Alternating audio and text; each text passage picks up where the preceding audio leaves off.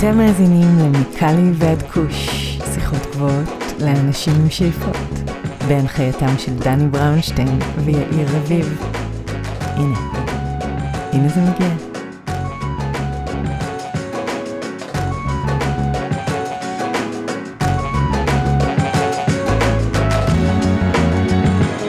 אהלן אהלן, מה קורה יאיר?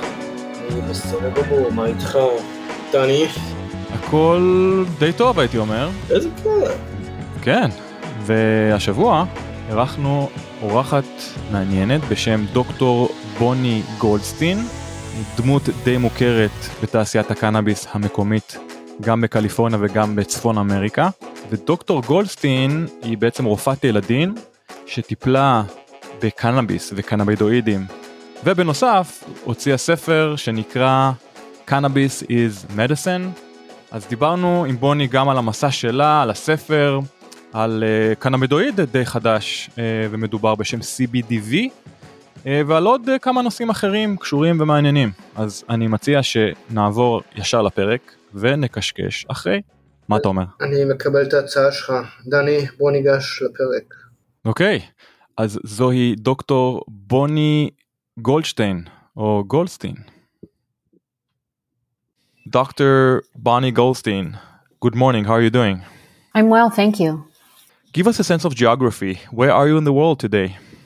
I am in Los Angeles, uh, California, on a very hot, hot, sunny day. Absolutely. I'm also based in LA, California, and my co host Yair is based in Tel Aviv, Israel. What's up, Yair? I'm good. I just want to let you know that I think we just had the best August ever in the history of Israel. Like the weather was amazing. Like August in Israel Really? nice. Yes. That's surprising to hear. Good for you. Uh, I think uh, we cannot say the same here in California. At least the last two weeks were horrible in this regard. Dr. Goldstein, tell us about your professional background and what led you into the cannabis space. So um, I decided to be a doctor when I was a very young child, and I stuck with that. I felt like it was a calling. And I uh, went to medical school in New Jersey and then decided to go into the field of pediatrics. And I moved out to California at that point and um, did my training at Children's Hospital Los Angeles. And a bit of an adrenaline junkie, I went into critical care transport and pediatric emergency medicine. And then I was there in that field for many years, about, you know, 14 years or so. And I, of course, during that time, you know, you get married and you have a child. And I was um, starting to become a little burned out between being mommy during the day and working in the emergency room at night. It was, you know, burning the candle at both ends, as they say. And um, I had decided to just take a leave of absence. I was really sleep deprived, and I was just finding that, you know, I had a friend who had gotten sick, and I thought, you know, she got sick because she's not taking care of herself. I got to start taking care of myself a little bit better. And I was probably in my mid 30s at this point. And so I took a leave of absence. And during that time, that friend who was sick asked me about cannabis, and I didn't know anything, despite the fact that California had had a law already for, you know, over 10 years about, you know, medical cannabis and it was available to patients, but I didn't know anything. And so when she asked me about it, I had had, because I was, had taken a leave of absence, I had time on my hands and I did a little research and I just was absolutely intrigued by the whole thing. But the fact that here's an endocannabinoid system that I didn't learn about in medical school, that there's natural medicine that can give you all these benefits without side effects. And that was her experience. And I kind of, the more I delved into it, the more intrigued I became. And then I, I started doing, um, just working in a, a small practice uh, in Long Beach, California. Uh, that was a specialty practice that was just evaluating patients for uh, cannabis medicine. And I just fell in love with it. So I ended up not going back to the emergency room. I just uh, stayed in the cannabis uh, specialty and I was seeing a lot of adult patients. I kind of had to relearn about adults. And then in 2013, after uh, CNN aired a documentary about a little girl um, using CBD for seizure disorder, uh, like the floodgates opened be- again because my pediatric background and my comfort with really sick children working in a pediatric ER. and also, you know, very well trained at Children's Hospital Los Angeles, I just um, just started seeing a ton of kids with seizure disorders and then autism and then cancer and then you know it kind of took off from there in terms of pediatrics so now i focus mostly on pediatric cannabis uh, use uh, for serious and chronic conditions that really haven't responded to the conventional treatments that are available so what are Canna centers or Canna centers and what problem or problems are you trying to solve essentially Right. Well, so Canna Centers is just the name of my practice. It's actually Canna Centers Wellness and Education. And you know what what is the problem with cannabis medicine? And and I think we all kind of know that unfortunately cannabis comes with many years of stigma and propaganda. And you know this is your brain on drugs type of nonsense uh, for lack of a better word. And what I'm trying to do is put the science out there. What do we know about the endocannabinoid system? What do we know about the various cannabinoids from the plant and the other compounds in the plant, like terpenes and flavonoids, which also are biologically active? And how do we translate that into beneficial, non toxic treatment for people who want this alternative of natural medicine? Why are we as a society encouraging only synthetic drugs. You know, there's this model of, you know, randomized controlled trials and only the things, you know, the, the, um, answers that come from that, that's what we're accepting. And we're ignoring these, you know, thousands of years of cannabis uh, use by humans. And, you know, to me, the, one of the big questions is, of course, why is there still the prohibition on research here in the United States? Why is it still a Schedule One drug? Why are we not just looking at what we have found out just in the last decade about how beneficial it can be for neurodegenerative disorders, for seizure disorders, for cancer, for all kinds of other medical conditions that we have not, you know, necessarily solved um, exactly. You know, uh, we have a lot of people dying from cancer. We still have people dying from seizure disorders. We still have a huge population, growing population of seniors that are going to be developing neurodegenerative disorders. Why wouldn't we look at a plant for answers?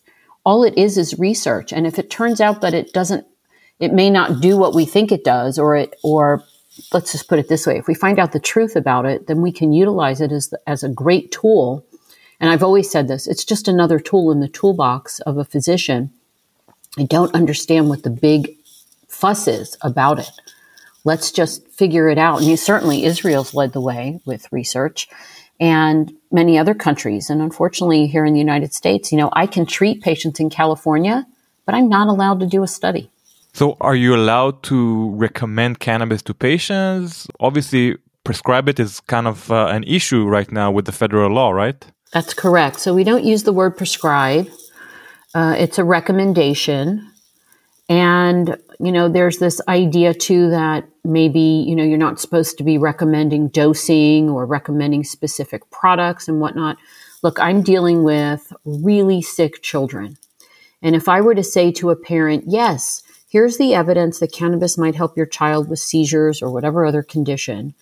Uh, by the way, I can't tell you how much you should give your child. So just, you know, go out, and just kind of figure it out on your own. Do we think that's a good idea? My goodness, I don't think so. so I do recommend dosing based on the latest scientific literature, which by the way, there's a, so much research coming down the pike, it's hard to keep up. And everybody's saying there's not enough research. There's a lot of research and there's a lot of information in the scientific literature that can be translated to uh, human use. And then um, I stay in very close follow up. These are people with many challenges. And, you know, as most people know, the concept with cannabis or really any botanical medicine is to try to use the minimal effective dose, right? The lowest dose that gives the benefits without side effects. And the only way to find that for any one particular individual is to start low and titrate up. And that takes hands on medical care. So, you know, I stay in very close touch with my patients. In the beginning, when I first meet with a patient, I meet with them for like an hour, an hour and a half. And then, and prior to that, I've already reviewed their medical records. And then, um, I have them stay in touch with me either by, you know, email or set up a phone call, but mostly through email every one to two weeks in the beginning because that's the only way to sort it out. You can't just put somebody on a medication and say, okay, I'll see you in three months. That's not going to work for cannabis medicine. So it's a bit different and it's a bit more hands on, believe it or not, even though it's safer. It's just until you find that kind of dosing window that works or the proper product, cannabinoid, timing, um, all of that you have to help the patient sort out. Now, some patients, it's very easy and kind of they're really good responders, and right out of the gate, they get a great result. And for other people, it can take, you know, trying 10 to 15 different products before they find what works. But I think the benefit is that it's um, long term. Uh, people say, oh, we don't know long term it's safe. And it, we know this. It's thousands of years of cannabis use. We have people who I have come across in my 14 years doing this who have been cannabis user for 40 years with no issues. They are very doing very well. And that wasn't even with medical assistance, right? That was on their own uh, without the kind of uh, deep dive into the science. And certainly in children, what I'm seeing is these incredible results where parents will tell me my child is learning to speak on cannabis. My child is, you know, look, and it's not a, in the developmental, uh, the typical developmental um, age range. So I look, I see children who are nonverbal at five years old who are, once we put them on a particular regimen, they start speaking. Not all of them, but but a fair number. Enough, certainly, for me to say this is a real outcome when it's, you know, patient after patient after patient where parents are saying, my child's actually giving me spontaneous sentences. You know, like for instance, in a child with nonverbal uh, autism. So you mentioned children and uh, epilepsy and autism. Are there any specific protocols we can follow or parents can follow? Is there only one answer or maybe a few answers on on the dosage and the protocols? Yeah, that's a great question. It's really, you know, for cannabis to work well, it really has to be personalized, which is one of the things I love about cannabis is that you can personalize it to the person's response to be able to avoid side effects. We now have a fair amount of literature supporting the use of CBD, especially. Um, when I say CBD, I mean high CBD, low THC type products, what we call high ratio, um, or even purified CBD, which, as you know, there's a pharmaceutical on the market now that's a purified CBD that's been approved in the United States to use for um, epilepsy, pediatric epilepsy. And we have now numerous studies. So we have studies that show that it improves the EEG, that it improve it uh, can enhance neurocognitive function, that um, the side effect profile, very, very important, side effect profile is similar or better than most available anticonvulsants, which come with a whole list of side effects that nobody would wish on any child, of course.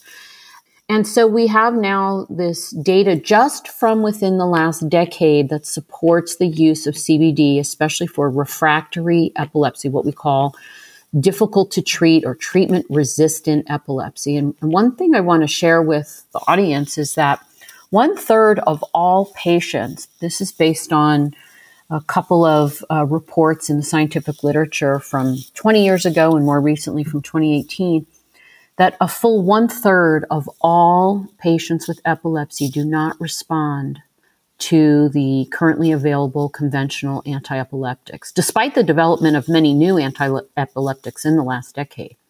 And so, for these patients, we have to think out of the box what other treatments are there? And it turns out that we know based on the literature, again, that's been reported that about somewhere between 75 and 80% of patients who try high CBD, low THC will have some reduction of seizures, uh, number of seizures, and about 10% won't respond, and about a small percentage, like something around 5%, may actually get worse with CBD. But certainly the odds are in your favor, right? If you look at those numbers. And in terms of, again, side effects, every single study, and I challenge someone to find me a study that doesn't say this, you know you you you read the study and towards the end what you what you find and sometimes it's right there in the initial abstract safe and well tolerated you know. You're Except- talking about yeah. specifically CBD C- or high CBD, low THC for epilepsy, safe and well tolerated. So this kind of fear that still exists. And by the way, you know, one of the things that bothers me is that, you know, we again, we have this body of literature now that supports the use of CBD. If you read all the literature, which I have done because it's my job to do that, and I'm intellectually curious as well as a scientist who's trying basically I'm a scientist trying to help people with using these compounds for these very difficult conditions, there is no other conclusion that you can come to when you have paper after paper saying safe and well tolerated, safe and well tolerated. So then the question becomes is why isn't the medical community embracing this? And I don't know the answer to that. I mean the ph- pharmaceutical industry is uh, there you go. yeah. yeah. Um, speaking of CBD, you've recently published an informative video about CBDV. So, what's CBDV and what medical indications can it help us with? So CBDV stands for cannabidivarin. It's yet another cannabinoid from the plant. And as far, so for people who are not aware, so the cannabis plant, uh, the female flower has hundreds and hundreds of compounds. Many have been identified and some have not been, but they're in that in that in those hundreds of compounds there's a family of compounds called phytocannabinoids. They're all very similar uh, stru- uh, chemical structure. And you know thc and cbd are the two most famous phytocannabinoids. Well there's an, there's many others. Um, cbdv is another what we would call a secondary or minor cannabinoid. And uh, it was looked at years ago and uh, was found to have some anticonvulsant activity in animals. And it's very understudied uh, but more recently, uh, there's been interest in it because of this anticonvulsant activity. And so there's um, also a couple of just like really literally just in the last few years, scientists have looked at it. And in mice, it was shown to help with like um, social impairment and memory and some of the repetitive activity of like a mouse model of autism.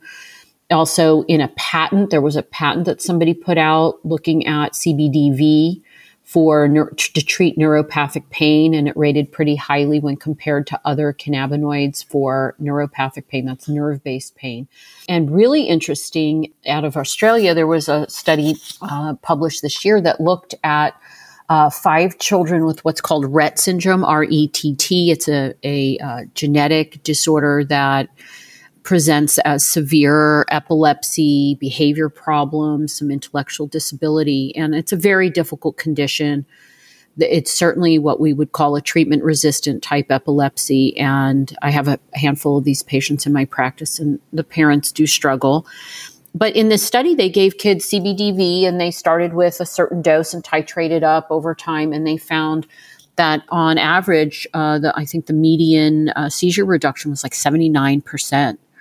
Oh, and wow. again, safe and well tolerated. The only side effect was sedation. And one of the interesting things about these cannabinoids is yes, they can cause sedation on their own, usually only at very high doses. But remember, a lot of these patients that are taking or adding cannabinoids like CBDV or CBD to their regimen are already on sedating anticonvulsant medications. Almost all anticonvulsants have sedation as a side effect. So when you stack them, you get this compounded you know, drowsiness. But certainly, again, very acceptable when you're looking or comparing it to a pharmaceutical. So it's very exciting. There is a CBDV product available here in California that some of um, I've recommended to some of my patients, and I have a, a young woman I take care of. You know, started off with her. She was in her teenage years. She had been devastated. When I say devastated by seizures, I mean, you know, pretty significant brain damage. She relies on other people for all of her activities of daily living. And I would call her a partial responder to CBD and some of the other compounds that we have available. So, like, I, I she took CBDA, she tried C- THC, THCA, and we had this regimen going that definitely decreased her overall seizure activity, although she was not seizure free. And then we just recently added CBDV, and after a few, uh, I think it's a couple months now, uh, her mother reported to me greater than 95 uh, percent reduction of seizures. So that's a big Wow. deal. You know, that's, and, and remember, living with seizures, they're unpredictable. You don't know if they're going to happen in the car, right? In the middle of the night while Sure. you're eating breakfast. It's such a terrible thing to live with. And this CBDV product that you mentioned, is it a tincture? Is it a capsule? Right. Oh, that's such a good question. So it is a tincture. For the most part, in my pediatric patients or my kind of more challenging patients, we use tinctures. So that means it's in liquid form. It has a carrier base oil, usually olive oil or medium chain triglyceride oil, MCT oil. And what's nice about these products is they are tested, so we know how many milligrams of the particular phytocannabinoid is in the bottle, and that means we know how many milligrams are in one ml. That's kind of the standard. And anybody, you know, out there making medicine, please label your products with how many milligrams per ml because that helps us dose. And the beauty of milliliter dosing, liquid dosing, is that you can titrate with a one milliliter needleless syringe. You could give somebody 0.1 ml, you can give them 0.5 ml, you can give them 3 ml. So you have this accurate dosing that is um, titratable to that person's needs, right? So if you buy a, let's say CBDV came as a pill that's 25 milligrams, well, whose dose is that, right? right. And then do I only have to then take um, I can only take the medicine in 25, 50, 75, you know, increments of 25, right? Uh, milligrams each. So what if somebody's dose is 32 milligrams? How do you give them that when you have a 25 milligram pill? So I really like the tinctures and what some, what I do with many patients, and remember, children also, you can hide it in food. Uh, you can squirt it in their mouth and chase it with a, you know, something for them to drink or something like that so that they're not uh, many children can't swallow pills. Also, there are children who have what's called a G tube, like a feeding tube, and the parents can then give the the tincture through the tube. So it just makes it a lot easier. Although, for some patients, once we find their dosing, then we'll look and see is it available in capsules if it's easier, right? Or they can make their own capsules and and, and customize it that way. So using tinctures, I find to be very very uh, flexible and very helpful, especially in the early days of trying to find the proper dosing. Got it. So, you published your book two years ago named Cannabis is Medicine. And while we know that cannabis might help us with over 170 medical indications, in most cases, it does so by reducing or otherwise managing the symptoms, but not necessarily curing them. So, with that said, is cannabis a medicine? Oh, well, of course, yes. So medicine doesn't have to cure you, and there's conditions from which you there uh, people cannot be cured. And the way I look at cannabis is a natural, non-toxic way to manage uh, non-curable conditions. So things like migraine headache, fibromyalgia. Now, can conditions like this go into remission, so to speak? Of course. You know, I have patients who, once they started cannabis medicine, just never had another migraine. I would consider them very good responders. And certainly, I'll say that in California, because we have so many products available, you have a lot of options and it's not one size fits all. And you may be, you know, you have to be willing to try different things to find your quote, you know, your regimen. But look, I have patients who, there's the one woman I was taking care of for many, many years. She's still my patient. I just, she's so good now. We just see her once a year.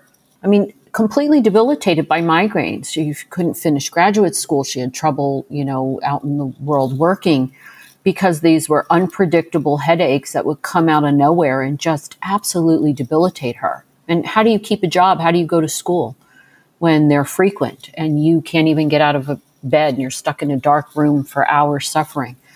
And cannabis just changed everything about it. They, she just eliminated them. What's interesting, she had reached out to me and asked, you know, she said, told me she was traveling to Indonesia. And she said, can I bring my cannabis? And I said, you know, you really shouldn't be taking cannabis. You, you know, I don't know what the laws are, and I'm not a, a, an attorney, but I would not travel to Indonesia with cannabis medicine. yeah, I think it's death sentence if I'm not yeah, mistaken. I mean, you. I think there are movies about it. Yeah, yeah. There you go. And she went, and sure enough, you know, after about a week or so, it's not like the medicine completely wears off. Remember, underneath, I mean, really, let's talk about what we're what we're dealing with here.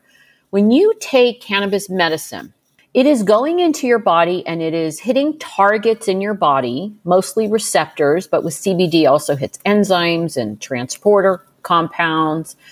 And ion channels. Like there's mu- a multitude of different mechanisms of action on how these cannabinoids work in the human brain and body.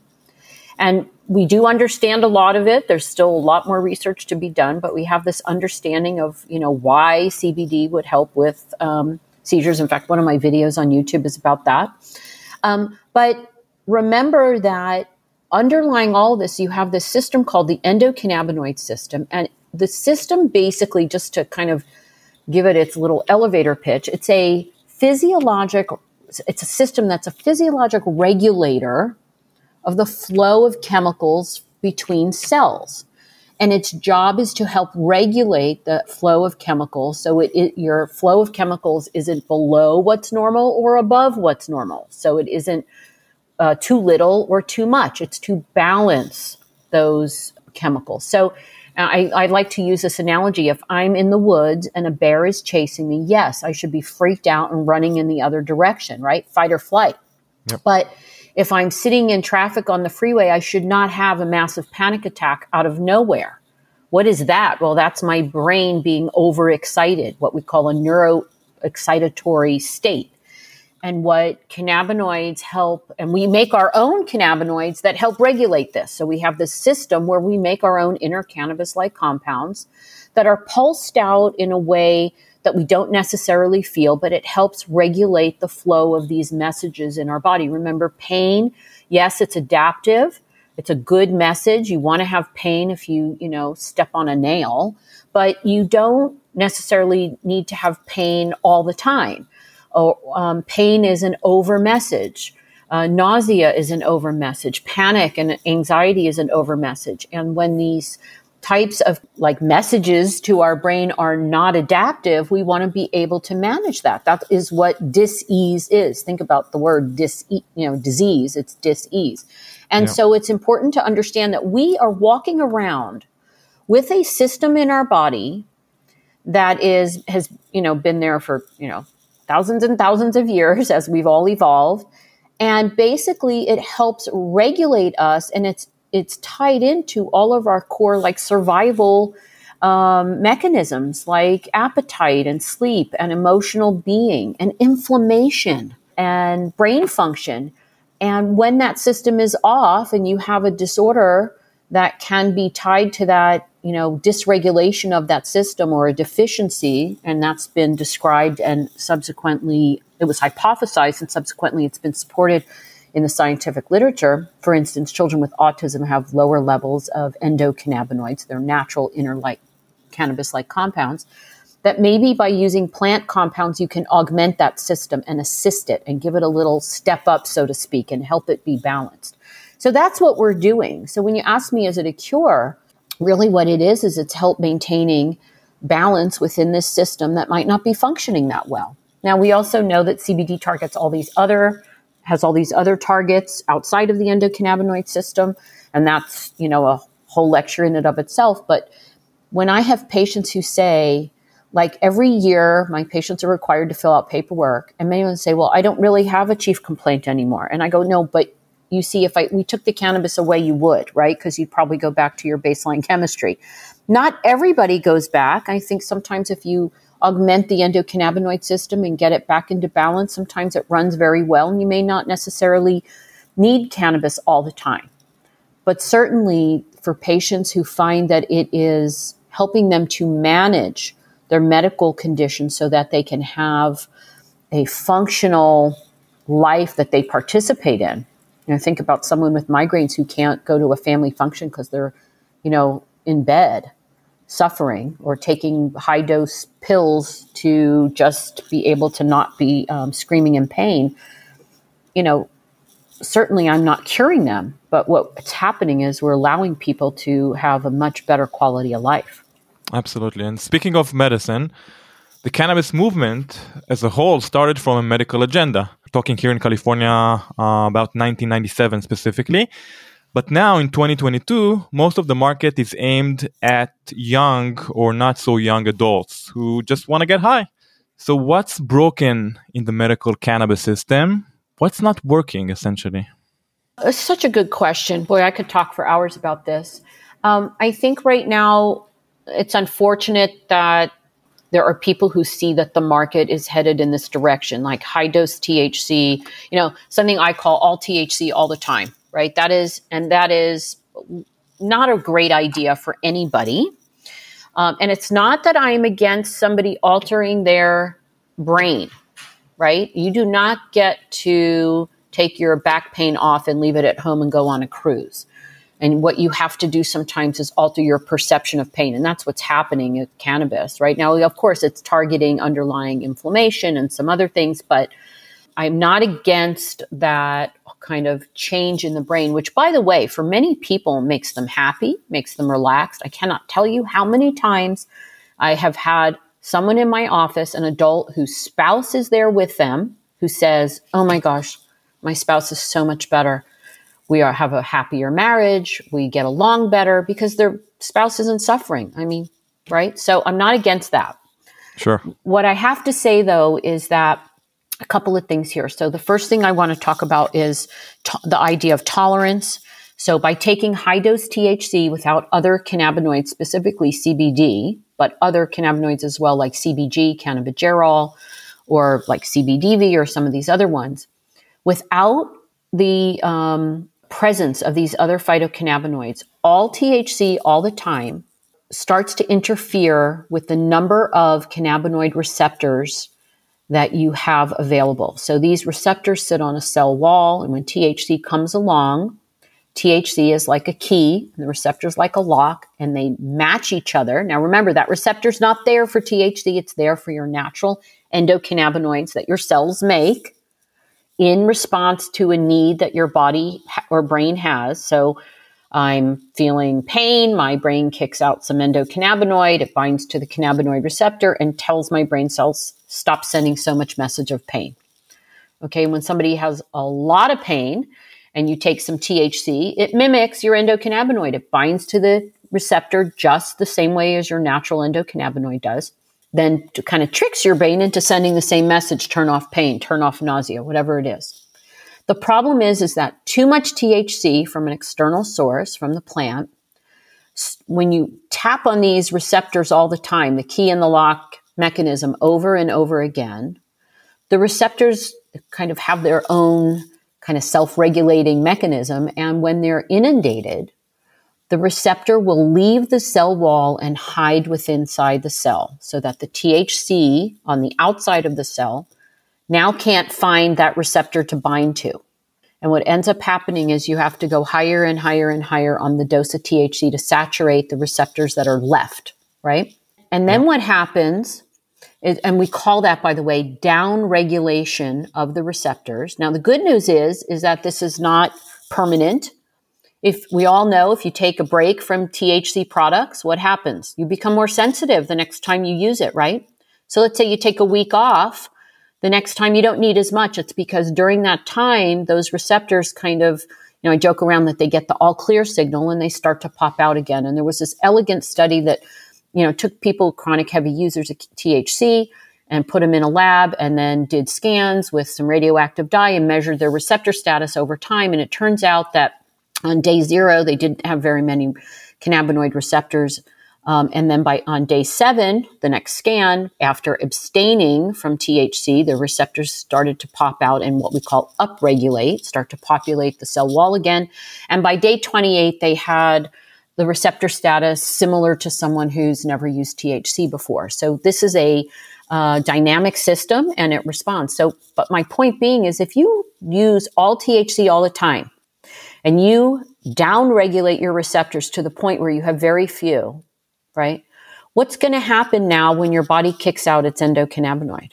Where's it going to go? You just shut down the target for the system that regulates your emotional being, your appetite, your sleep, your inflammation, and a whole slew of other conditions that, or, or, or um, physiologic um, systems that I mean, you don't want to lose that regulation. So it is a bad idea to use all THC all the time, especially in high doses. And so for those adults who are responsible users who understand this and take breaks and are aware of their tolerance situation or are aware if their um, emotional being is, you know, not necessarily benefiting from the regimen that they're using. Those are the people who can then say, okay, let me back up, let me take a break, let me, and a lot of people build breaks into their into their you know life. Like they take a week off every 3 months or they take 2 days off every week. And in in fact what they're doing is managing their tolerance right? So that they can continue to reap the benefits. But the problem with an 18 year old or a 20 year old is one they don't understand what they're doing but two and look i can talk about this because my son's going to be 22 uh, next week and so i just survived the teenage years and uh, the early young adult age and my point being is that unfortunately, it's very hard to communicate with this kind of this teenage population that does live in a world where, you know, oh, I know about me, don't tell me about me. Um, I really like this, and more is better. And it's unfortunate. And you know, right now there's a lot of um, there's articles coming out in the media talking about, you know, like one story here that I read about as a you know young man who kind of went off the deep end with THC.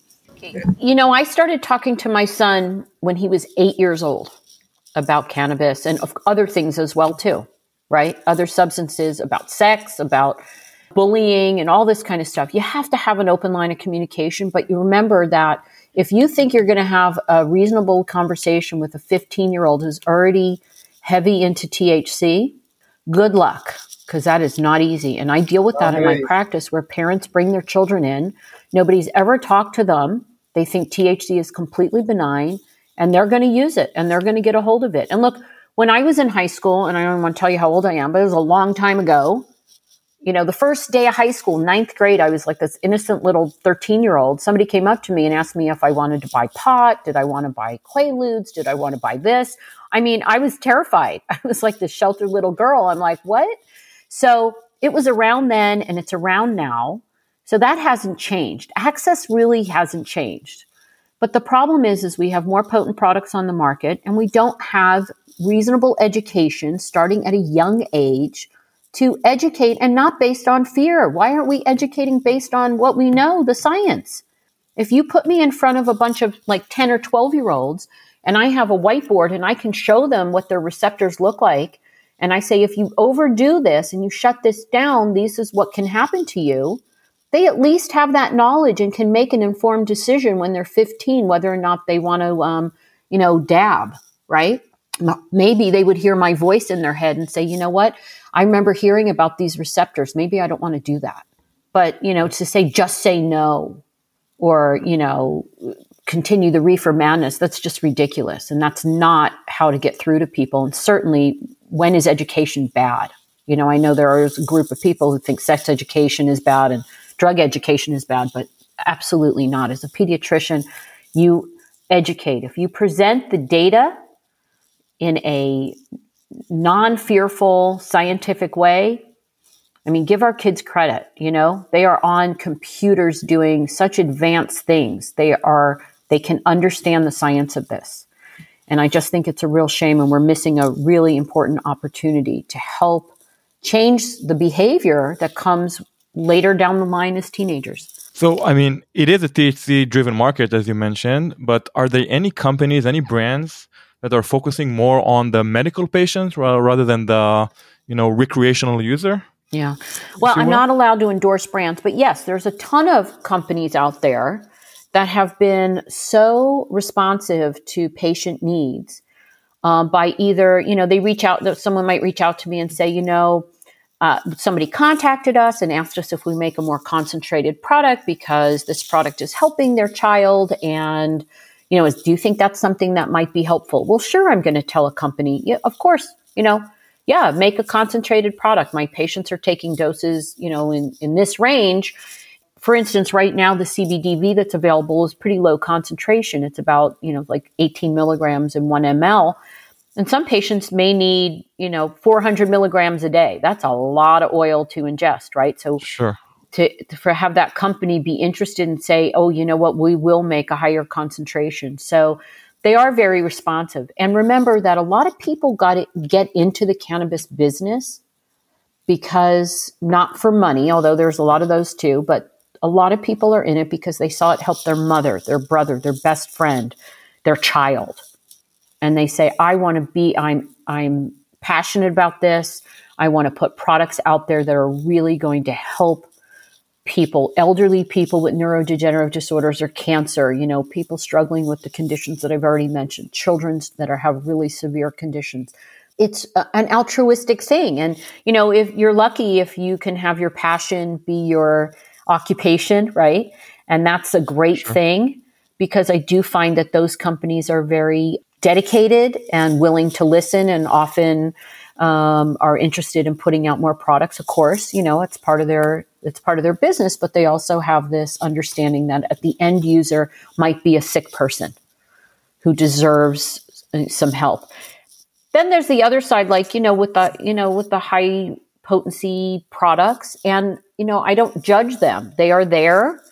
The, my problem, of course, is that in some states there is this um, uh, lack of uh, oversight of patients being approved medically who then have access to the high dose. So let's say an 18 year old who goes online and pays, you know, $30 and gets some bogus medical recommendation that then goes into a dispensary and can buy whatever they want. That I don't think that's helping that person. So, Dr. Goldstein, if you don't mind, I want to move to some personal questions. There are more and more ways to consume cannabis these days what categories excites you the most and why? Wow. So um, again, I I like to use the tinctures to help patients dial in on their dosing. As I mentioned, that's a, a very nice product. But I think I'm very excited about the future of the transdermal patches so that people can put a patch on and maybe get a few days of relief without having to uh, redose. I think there's still work that has to be done. Remember that these compounds are fat based compounds, so they don't go through the skin very well. So, transdermal patches um, are going to have some type of what we call permeation enhancer. Um, usually, you know, I've seen now some that have chemicals in them, which I'm not really excited about, but there's people like really looking at how to, you know, wrap these cannabinoids in, let's say, uh, water soluble, let's say little like bubbles and to help transport them through the system. I'm also excited about just having more phytocannabinoids on the market. So when I first started doing this in 2008, it was THC, that was it. Then around 2013, CBD hit the market. And then, like a year or two later, we started to have THCA products on the market. Then we had CBDA and CBG, and now we have CBDV, and then we're going to start to see all of the cascade. The problem, of course, is that there's not enough research, and many of these secondary cannabinoids are understudied. But as I mentioned about CBDV, there is interest, and that's what's very exciting. Speaking of, is THCV available in the market? I have seen some products with THCV. It's a very interesting compound because it acts very different at the cannabinoid receptor than these other compounds that we mentioned. I don't feel that I understand exactly clinically. Uh, like I, you know, you read the literature, and yes, I understand that, you know, in this study it did this, and this study it did that, but clinically transposing to a patient is very difficult uh, for me to understand. And um, until I know a little bit more, I have had a few patients try it. THCV in low doses is reported to block the cannabinoid receptor. And remember, you may not necessarily want to do that if you are already not having good function at your endocannab- at your cannabinoid receptor. Why would I want to block it further? Sure. And uh, there's a cautionary tale here. A f- number of years ago, um, a, mar- a drug hit the market in Europe it's called Rimonabant. And what it was was a blocker of the cannabinoid receptor. And it was used to, uh, as an appetite suppressant for people who wanted to lose weight. And so think about that, right? You take some THC, it triggers your cannabinoid receptor, and what do you get? Munchies. Not everybody gets that, but you know, it's one of the jokes that we talk about. Oh, someone in, you know, if you, you watch, uh, you know, any type of TV program where somebody smokes a joint, they're always eating potato chips after, right? There's always that yeah. kind of, uh, hey, it causes munchies.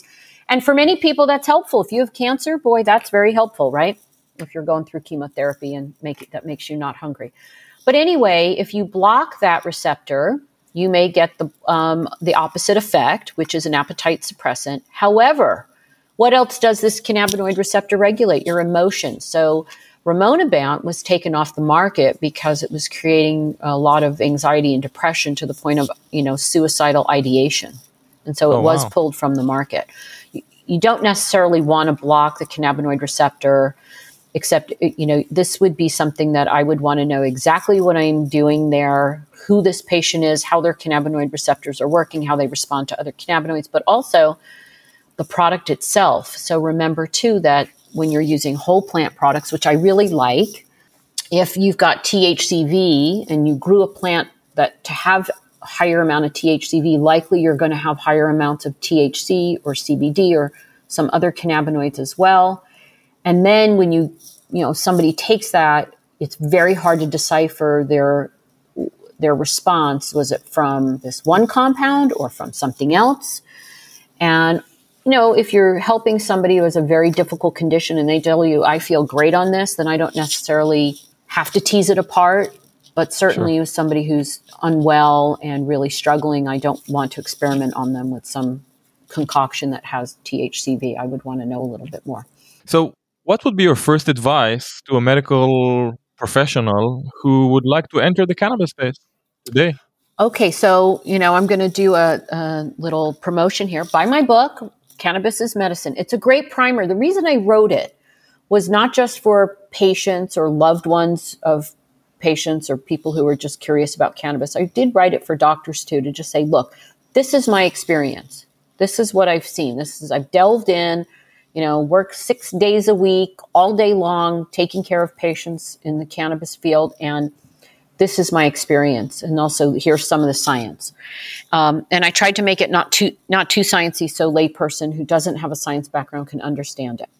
The second thing is I'm going to push Dr. Dustin Sulak's book. He has a wonderful book that's called The Handbook of Cannabis for Clinicians. It's actually designed, it's written specifically for clinicians very mm-hmm. science based and really, really great book. And so I would say those two things combination. In order to understand this, you can't just read one scientific article. You kind of have to get the whole picture because none of us in medical school are learning about the endocannabinoid system. So you have to educate yourself. And then what I would say is, you know, go to a dispensary or go online and look at some of the dispensary websites and try to look at the products, understand the products. And then if you really are interested in, you know, offering this to your patients, use me, some of the other people that have, you know, kind of are generous with their time, Dr. Ethan Russo, Dr. Dustin Sulak, some of the other people out there and, you know, talk to us and you know, try to get some understanding first of what you're going to do. And what I'm going to say is this is the safest medicine you're ever going to recommend to anybody. That's number one. You really can't go wrong as long as you always titrate, you know, start low and go slow. And if you also educate the patient, I mean, we don't all hit it out of the park on the first go around. Like, how many patients have had to try four different blood pressure medications or, you know, five different migraine medications or whatever it is? No, no doctor is going to be perfect. And, but the beauty of it is, is, is there's so many different products and there's so many different ways to approach cannabis that, and again, it's because it's non toxic, you're going to have a very thank, you know, grateful patient who's going to thank you for helping them with this. And it's it's a lovely way to practice medicine, I have to say. It's very rewarding. So, in your opinion, when will we get to see cannabis based or cannabinoid based medicine in every household in America? Mm. I wonder if it's already kind of not close, uh, you know, already close to there. I mean, I have to say that C- I hear about CBD. I'm on a plane. I hear people talking about CBD. I'm in a restaurant. I hear people talking about CBD. Sure. Um, so I think that certainly there's the cultural acceptance is there. I think the medical community is lagging behind, right? And again, they're they want to have the studies and again what i will say is let us do the studies like take it out of us deschedule it completely it shouldn't even be on the controlled substance uh, list anymore. Um, but I, I, don't think we're very far. You know, I just think that we could do a better job educating, and um, we can do a better job with research. I, I, I think you know, as they say, the wall has come down. It's it's certainly something that a lot of doctors do if a patient says, Hey, doc, what do you think about can- cannabis medicine? You're more likely now than 10 years ago to get an answer of, you know what, that might be something you want to explore, but unfortunately, I don't know about it. So sure. I'm hoping that second part of that answer is going to change. Absolutely. I'm into that. So, cannabis and music is a pure magic, to me at least.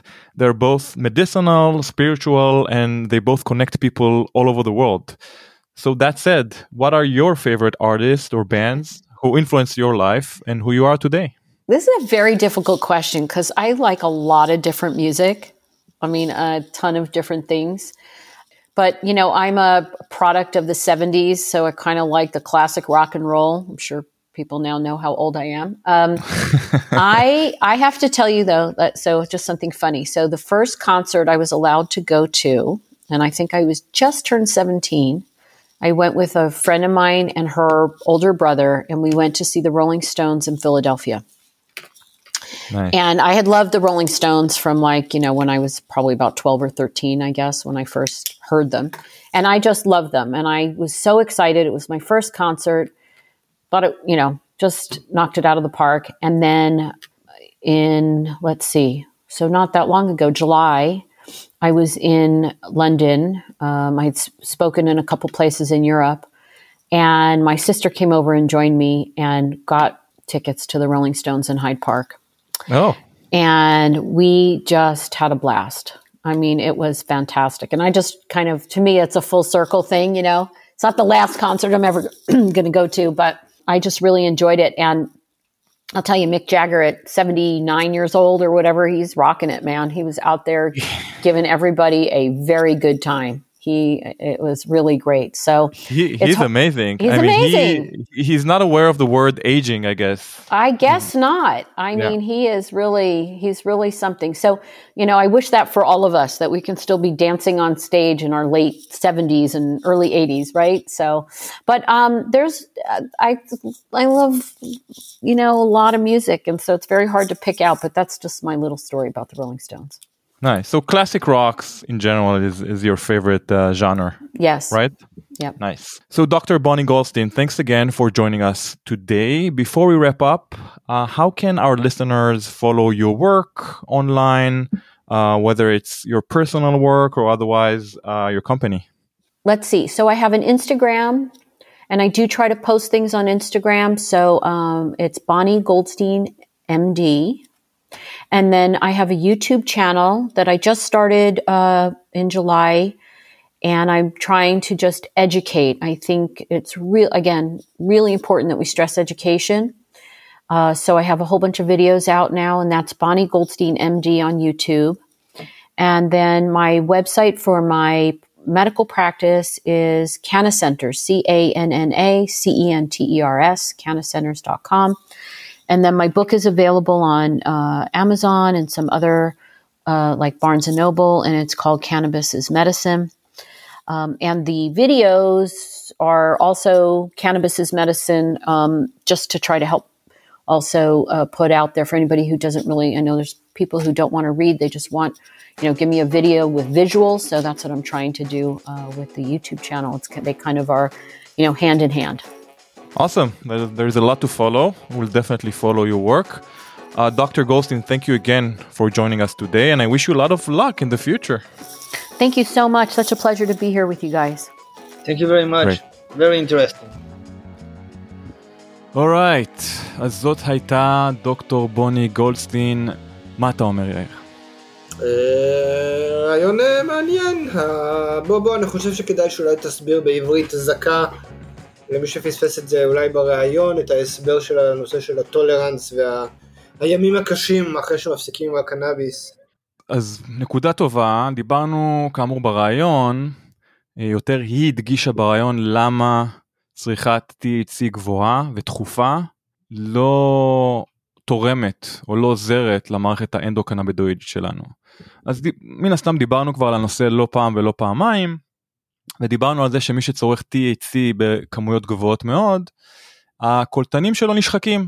הוא צריך להיות כל פעם שהוא משתמש ב-THC, הוא צריך יותר ויותר חומרים בשביל מה שנקרא לגרות את אותם קולטנים ולהיקלט או להיספג בקולטנים האלו. וכאמור צרכנים כבדים יש להם מעט יותר קולטנים עם פחות מקום לקנבדואידים להיספג בגוף של המשתמש. לכן אני חשבתי על זה אחרי הרעיון, זו תיאוריה שפיתחתי בעקבות אה, המידע הזה, היא לא מבוססת כמובן, אבל רוב המשתמשים ששואלים אותם, שהם לוקחים הפסקה, מה החלק הכי, הכי קשה בהפסקה, כולם מזכירים את היומיים שלושה הראשונים כבאמת תקופה בלתי נסבלת, בה הגוף לא יכול להתרגל למצב החדש, אוקיי? הזעות, עצבנות, חוסר שינה, אה, חוסר מצב רוח באופן כללי, חוסר תיאבון. אני יכול להגיד לך שאני לוקח את ההפסקה השנתית שלי, אה, היומיים הראשונים אני בקושי אוכל ממש, זאת אומרת כמויות קטנות של אוכל.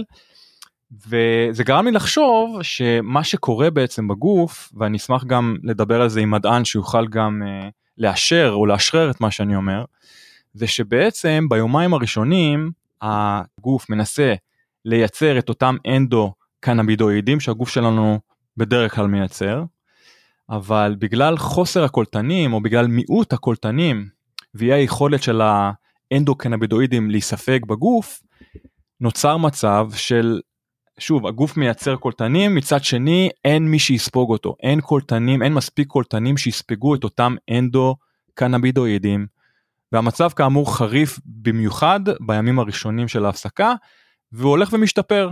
זאת אומרת שאחרי שבוע, שבועיים וחודש יש שיפור ניכר, כמובן איחוי אה, במצב הקולטנים, יש יותר קולטנים שיותר סופגים, גם THC או אנדוקנבידואידים אחרים, ולכן המצב משתפר, אבל היומיים, השלושה הראשונים בהם אה, יש מיעוט קולטנים, המצב על הפרצוף, מה שנקרא.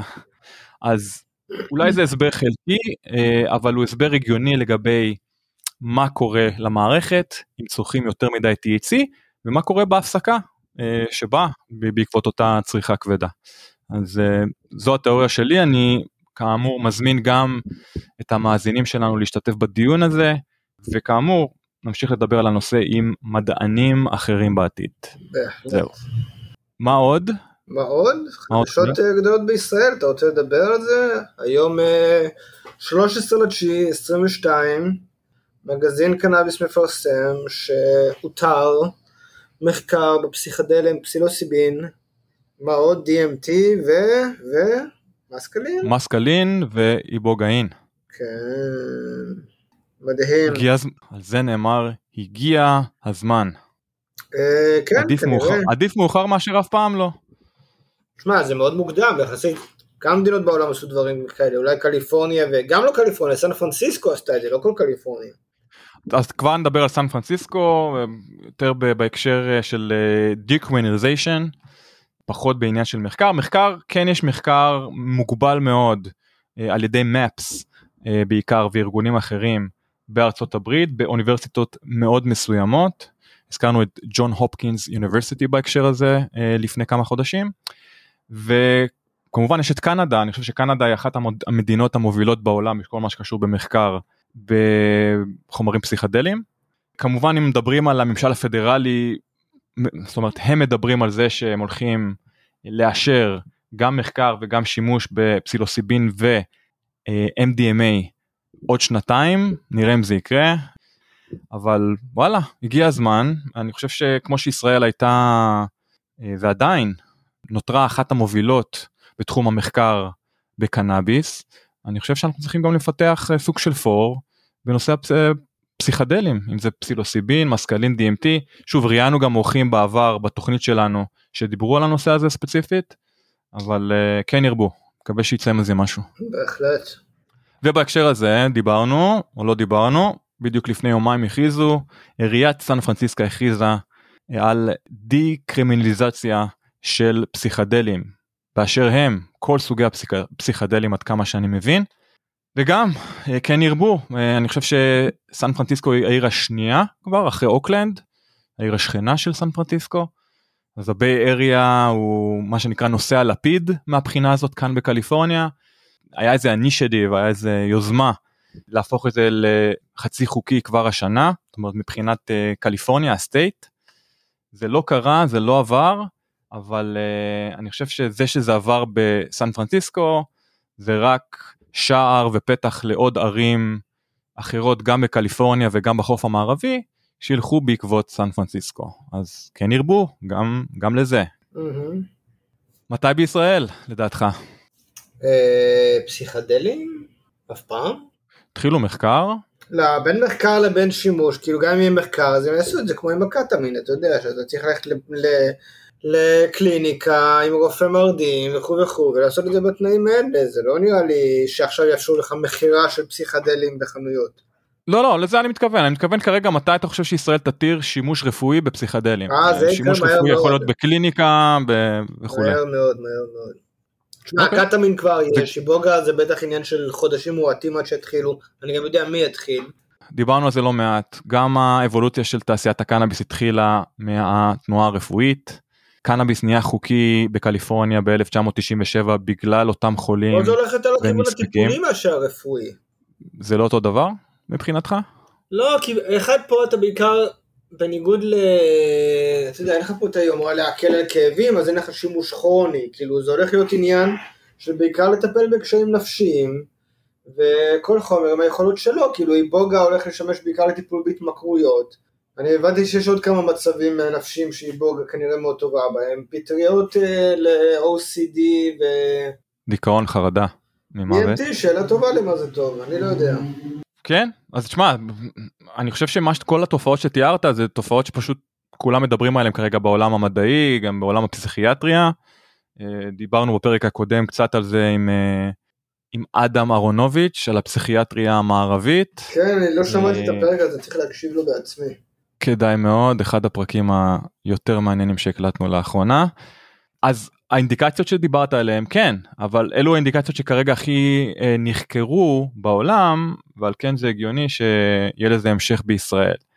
אני כן יודע על מחקר אחד לפחות אם לא יותר עם פסילוסיבין בהקשר של טיפול בכאב דווקא ממש אה, בדומה לקנאביס. וואלה. אז אני חושב שככל שיהיו יותר אינדיקציות, אם זה דרך מחקרים פרי קליניים או מחקרים קליניים כמו שמאפס עושים, אם זה ב-MDMA או פסילוסיבין, אז כן, השמיים הם הגבול, אני חושב שיש מספיק תופעות שאנחנו עדיין לא מודעים אליהן, שחומרים פסיכדליים כאלה ואחרים יכולים לעזור, בסיטואציות מסוימות, במינונים מסוימים, בשילובים מסוימים.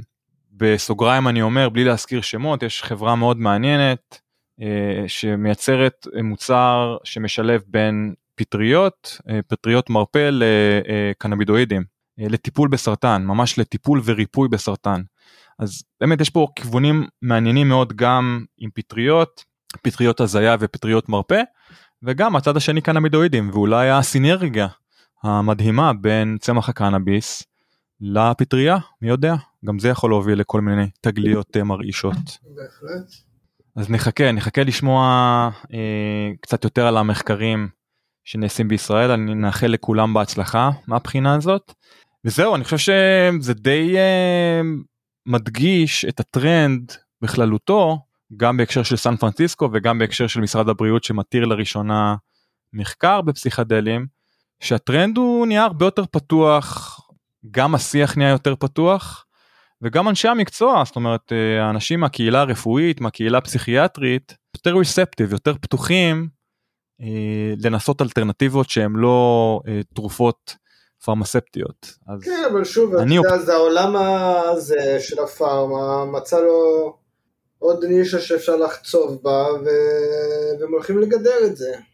אין ספק שהם יצטרכו למצוא את הפטנטים שלהם, את הפורמולציות שלהם שיעבדו הכי טוב. הם אפילו, זה אפילו לא אבל- סביב פטנטים, זה הולך להיות סביב הטיפול עצמו, אתה יודע, צריך לעשות את זה פה, בהשתתפות האיש הזה, והבן אדם הזה. כאילו, כמו שעכשיו קורה עם הקטמין, כן, אבל- שאתה צריך רופא מרדים בחדר, כאילו, בחדר רמב"ם. כן, קודם כל קטמין, להבדיל, הוא לא זהה בהשפעתו ובמבנה שלו הכימי לפסילוסיבין או, או DMT או, או MDMA. כן, אבל גם הם לא דומים אחד לשני, מה זה משנה? בהחלט, אבל מה שאני מנסה להגיד, שבניגוד אה, למודל העסקי של תעשיית הפארמה, גם על זה דיברנו די הרבה, המודל פה עם פסיכדלים הוא לא טיפול יומיומי אינטנסיבי של כמה פעמים ביום, טיפול כל יום. קטמין עושים אותו פעם אחת נכון. בחצי שנה. נכון, אז קודם כל כמה פעם אחת בחצי שנה, עדיין דיברנו גם על זה, קטמין כן יכול להיות ממכר לחלק מהמשתמשים. שמדברים על אה, פסילוסיבין, אה, מסקלין ואפילו MDMA, אנחנו מדברים על אה, משהו כמו שני טיפולים, ארבעה טיפולים מקסימום, וזה עושה שינוי מטורף, שינוי קיצוני בהקשר של התמכרויות, בהקשר של דיכאון וחרדה. אני לא יודע איך תעשיית הפארמה תתמודד עם זה, כי המודל הזה פשוט לא כלכלי, אנחנו כולנו יודעים. כן. אתה צריך לקוחות לטווח ארוך. כן, זה יהיה מעניין לאיפה זה הולך. זה מתפוצץ, פסיכדלים בארצות הברית, בצפון אמריקה, קנדה, כאן בקליפורניה איפה שאני גר, זה רק הולך ו- ו- ועולה וגדל, הפופולריות עולה, וקנאביס, אה, אתה יודע, לא הולך לשום מקום כמובן, אבל אה, קנאביס קבל כיוון קצת שונה. Mm-hmm. וכאמור, אנחנו התחלנו כפודקאסט על קנאביס בראש ובראשונה, אבל uh, עם הזמן גם התרחבנו לנושא הפסיכדלים, א' כי זה רלוונטי, ב' כי זה מעניין, וג' כי זה קשור בצורה כזו או אחרת גם לצמח הקנאביס, שגם הוא צמח פסיכדלי בצורה כזו או אחרת. Uh, זהו נראה לי, אז זה היה פרק 117 של מיקלי והתקוש. 120 כפי שאומרים אצלנו. כן, עד 120 בקרוב מאוד. מקווה שנהנית, מקווה שנהנתם. Uh, תודה שוב שאתם מאזינים לנו בכל רחבי העולם. תודה שוב, אנא, אנא הפיצו את הבשורה. אז uh, זהו, עד כאן להשבוע. תודה רבה יאיר. תודה רבה לך דני. שיהיה אחלה שבוע. צ'או בינתיים. ביי. תודה שהאזנתם לתוכנית. אם נהניתם ממנה, ומהאורחים שהבאנו לכם, נשמח אם תדרגו אותנו בחמישה כוכבים. כל דירוג או ביקורת חיובית יעזרו לנו להמשיך להביא לכם את האורחים הכי שווים בתעשיית הקנאביס. יש לכם הצעה לאורח או נושא מעניין? נשמח לקבל בקשות והצעות לגבי נושאים או אורחים שמעניינים אתכם, המאזינים שלנו. אנא כתבו אלינו ל- From Kali to Push at gmail.com From Kali to Push במילה אחת at gmail.com אנא אל תיקחו את האינפורמציה שמוגשת בתוכנית כעצות רפואיות או עסקיות. צרו קשר עם הרופא שלכם או כל גוף רפואי מורשה אם אתם מעוניינים לצרוך קנאביס לשימוש רפואי. התוכנית נעשית מתוך אהבה ותשוקה לצמח הקנאביס, אך אינה מעודדת קנייה לא חוקית של מוצריו. תודה על ההאזנה, נשתמע בקרוב. צ'או.